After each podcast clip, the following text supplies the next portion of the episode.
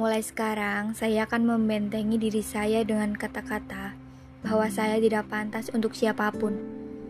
Karena saya takut untuk jatuh lagi, jatuh pada orang yang salah untuk kesekian kalinya. Meskipun di lain waktu saya akan jatuh kembali, saya sudah menebak endingnya pasti akan sama, sama seperti sebelumnya. Dekat, makin dekat, dipermalukan, merasa canggung satu sama lain, lalu menjadi orang yang sangat asing. Endingnya akan sama, akan terus sama seperti itu.